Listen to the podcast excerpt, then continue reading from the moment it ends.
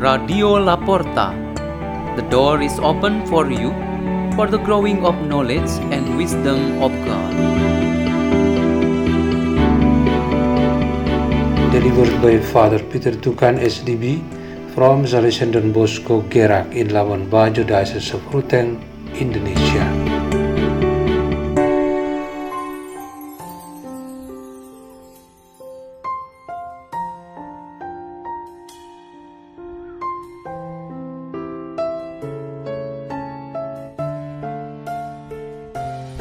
Reading and meditation on the Word of God on Tuesday of the 13th week in Ordinary Time, July 4, 2023.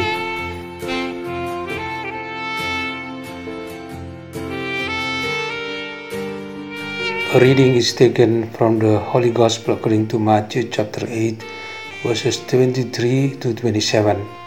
As Jesus got into a boat, his disciples followed them. Suddenly, a violent storm came up on the sea, so that the boat was being swamped by waves. But he was asleep. They came and woke him, saying, Lord, save us, we are perishing. He said to them, Why are you terrified, O you of little faith? Then he got up, rebuked the winds and the sea, and there was great calm. The men were amazed and said, What sort of man is this, whom even the winds and the sea obey? The Gospel of the Lord.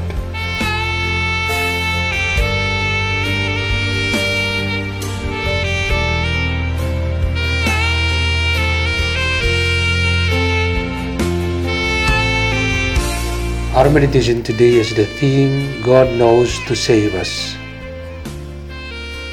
There is a friend who shared his personal experience of being saved from a natural disaster, namely an earthquake that destroyed his village and all other family members disappeared. He himself escaped from the disaster and currently he lives alone. Many people always said to him in this way, God knows to save your family as you are still alive today.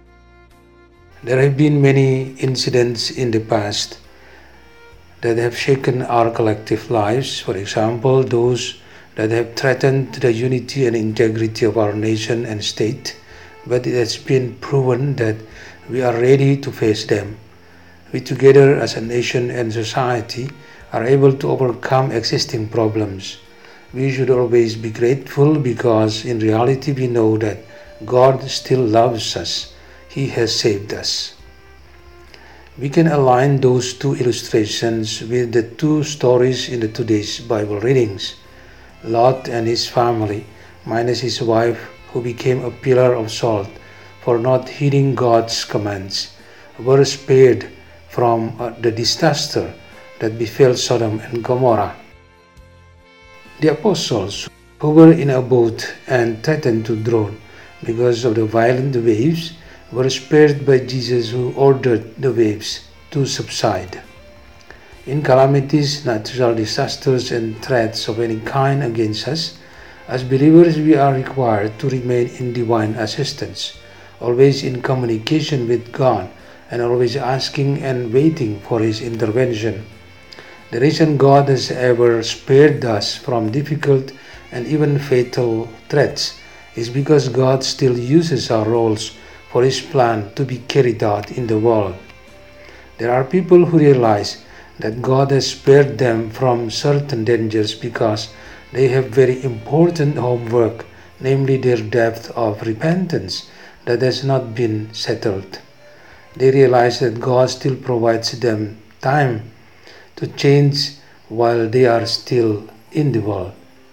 There are other people who realize that they have been saved from the danger of death that will take them because their relatives and neighbors still really need them in the world. Whatever the reason, just let everyone interpret that he has been spared by God from a deadly threat. But what is certain is that God has all power over the universe, including the fate of human life. If He pleases that you are still alive in this world for whatever role you play, Just accept this by faith and continue to live the calling and ministry that you are doing in the name of our Lord.